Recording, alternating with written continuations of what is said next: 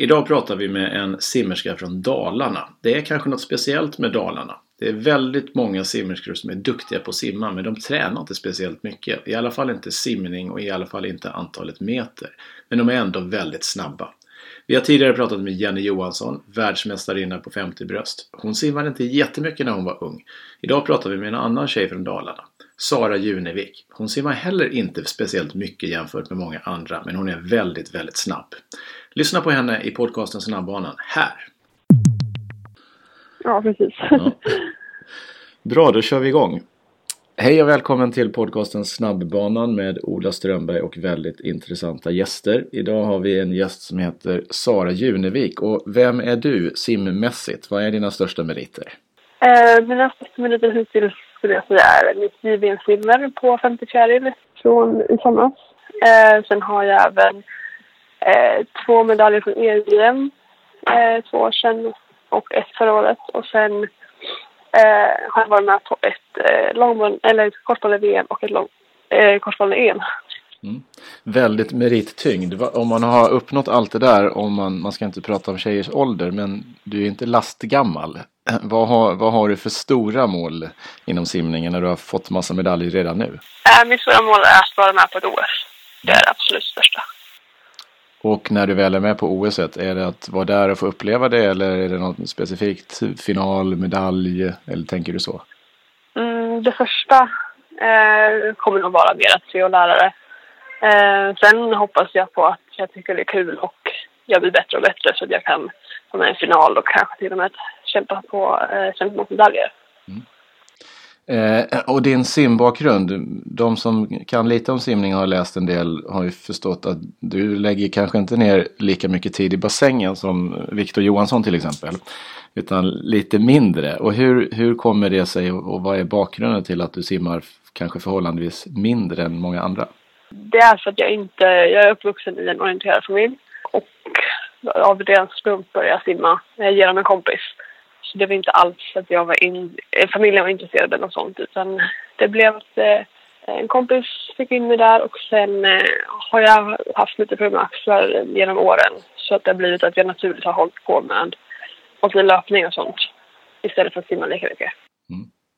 Eh, ovanligt för en simmerska eller simmare att vara duktig på löpning. Så när du avslutar din simkarriär så kanske swimrun ligger i farans riktning. Ja, precis. Då måste man vara bra på att springa. Och när man säger att du inte simmar lika mycket, hur mycket tränar du en normal vecka på land och i vattnet? Just nu har jag precis gått upp i sex simpass i veckan. Eh, och sen två gympass och ett löppass.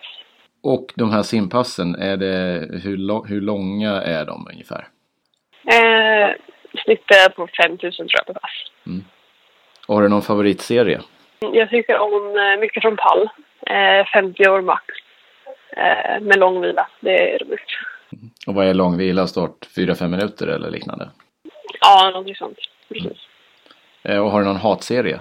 Ja, 20 gånger 100 eller 20 gånger 50. Det brukar vara en serie vi kör ofta på eh, lägerträffar. Eh, den är inte så jätterolig. så då är det starta en minut och 50 då. Okej.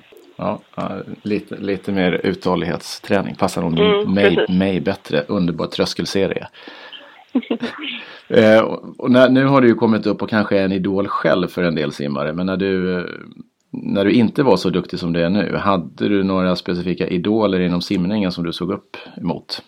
Therese och Sara har alltid varit idoler för mig. Eh, nu känns det jätte- extra coolt att man nu känner Sara och tävlar med henne. Liksom. Eh, att ha henne som idol. Det har gått väldigt snabbt så därför känns det väldigt häftigt att Mm. nu få vara med henne. Liksom. Har du fortfarande henne som idol? Ja, absolut. Ja. Hon eh, är väldigt proffsig i det hon gör och det märker man när vi åker iväg och när jag är i Stockholm och tränar också. Just det.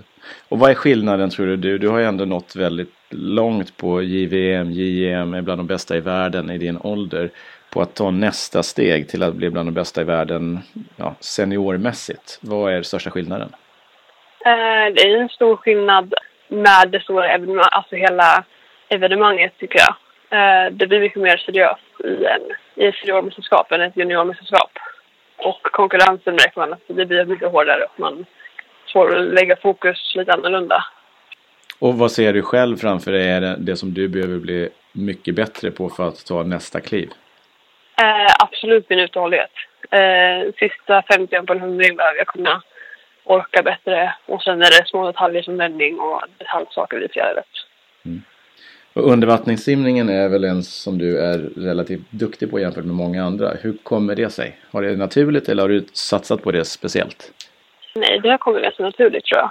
Eh, jag tror det är mycket på grund av att jag har starka benfyllöpningen och uthålligheten i grunden. Eh, som gör att jag kan hålla andan och ha starka kickar. Eh, sen tycker jag jag har haft väldigt naturligt med fjäril ända sedan jag började simma. Så det ligger väl lite i det också.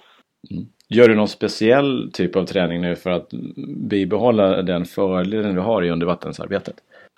Ja, vi kör mycket eh, att jag i varje vändning ska kicka minst 10 meter eller något sånt liksom i varje serie. Så det ligger där. Mm. Och landträning, du nämnde två landpass i veckan. Vilken typ av eh, landträning eller styrketräning gör du då? Eh, mycket vikter. Eh, vi kör marklyft och ryck och eh, knäböj och sådana grejer med skivstång. Ganska traditionell styrketräning egentligen alltså? Mm, precis. Ja. Eh, och om man tittar på EM, du kommer att simma EM här i sommar. Toppningsmässigt, när går du in i en toppningsfas? Det kommer nog vara att jag lättar på simningen lite en, en och en halv vecka innan och kör mer eh, kortare eh, sprinter och mer fjäril. Och sen brukar jag vara nästan, nästan helt ledig dagarna innan och kanske springer istället. Okej. Okay. Så att inte trötta ut mina lite svaga axlar. Mm. Och experimenterar du någonting med toppningen eller kör du samma upplägg varje gång? Vi har experimenterat lite nu ett tag. Eh, det har varit lite annorlunda i somras när jag fick träna hela sommaren, eh, vilket jag aldrig gjort innan. Och sen har jag fått prova på att ta en kort toppning, för jag var sjuk eh, innan Sydopen till exempel. Mm. Så det, och jag märker att det går på olika sätt så det, jag blir inte så orolig längre. Nej allting runt omkring simningen vad gäller sömn och nutrition och vad du äter. Hur mycket tänker du på sånt? Jag försöker tänka mer och mer på det. Det är inte någonting jag lägger jätte, jätte, jättemycket fokus på just nu. Utan jag tänker mer på att okej, okay, jag äter någonting jag, är gott, alltså, jag tycker är gott. Mm. Eh, för att bli mätt. Men eh, det är väl någonting som kommer komma in mer och mer när, eftersom jag bor, jag bor hemma och jag kan ha, eller jag bor bort eh, hemifrån och mm. man får mycket mer ansvar själv. Just det. Och vad är målet? Nu går du gymnasiet. Vad händer efter gymnasiet? Kommer du fortsätta i Sverige eller vill du testa på att plugga och simma i USA? Min tanke just nu, jag har lite ögon på USA fortfarande. Eh, men eh, jag trivs väldigt bra i Sverige. Eh, och kanske i sådana fall åker iväg korta perioder till andra ställen. Mm. Och träningsmässigt, kör du helst eh, själv eller i grupp och i så fall liksom, vad passar dig bäst? Vilken typ av träningsomgivning? Eh, jag har gärna någon att spara mot. Eh, det hjälper mig otroligt mycket när jag, om man är trött och man kan köra mot någon. Det hjälper psyket mycket. och NEC, du tränar en del i NEC i Stockholm också, eller hur? Mm, precis. Vad, vad är största skillnaden där jämfört med hur du kör normalt på hemmaplan? ja, största skillnaden är ju att jag ligger sist på banan i, på, i Stockholm eh, och brukar ligga först på banan här i Falun. Eh, men det, jag blir jättemotiverad av det och jag får någonting att jaga och jag känner att jag får ta i lite extra när jag är där. Och sen får jag mycket bättre, eller jag känner att jag får lite mer uppmärksamhet på NEC då de inte är jättemånga. Eh, och man kan kolla lite mer teknikgrejer. Om du vill simma i snygga och snabba simkläder då ska du gå in på tyrsverige.se och shoppa loss. Du får 15% rabatt med koden Friends of Ola. Rabatt är alltid bra. 15% off genom att använda koden Friends of Ola på tyrsverige.se. Gå dit snart, efter du har lyssnat klart på Sara Junevik såklart. Om man tittar lite på ditt bästa och sämsta simminne, vad är ditt bästa simminne hittills? hittills skulle jag nog säga att det är när jag går i mål eh, på JVM-finalen och inser att jag eh, kom tvåa. Mm. Det var en riktig chock och eh, jag var extremt glad. Mm. Värsta simminne tror jag är från eh, Sumsim i Malmö 2014. Eh, det var mitt första utbana Sumsim och nej, det gick inte jättebra. Så det var inte jättekul där. Mm. Du får skylla på bassängen, Lindängsbadet, eller var det där? Ja, precis. Ja. ja, ja. Den är inte jättesnabb heller så det är okej. Nej. Eh, om man ska åka utomlands, även om vädret börjar bli okej okay här i Sverige nu, så är det ändå väldigt ostabilt. Om man vill åka någonstans för att få lite sol och träna, har du något eh, lägerplatstips? Eh, Fuerteventura mm. tycker jag var riktigt bra. Jag var där med familjen. Det var ett riktigt bra träningscenter. Mm. Vad är det som funkar? Både simning och vikter och allting eller? Ja, allt möjligt. Och så går det att springa där också. Det var perfekt. Mm. Just det. Om man tittar på simning och ser på simning, tittar du mycket på simning? Eller är det annan sport som du helst sätter på eh, tvn eller paddan eller hur du nu konsumerar media? Ja, simning går ju inte jätteofta men när det väl är simning då passar jag på att kolla på simning. Det gör jag absolut. Annars blir det inte mycket sport runt om.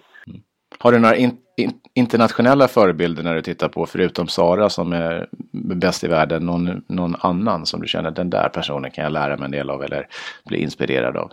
det har ju varit Michael Phelps som är en stor eh, förebild. Men annars har inte jag så många eh, internationella faktiskt. Mm.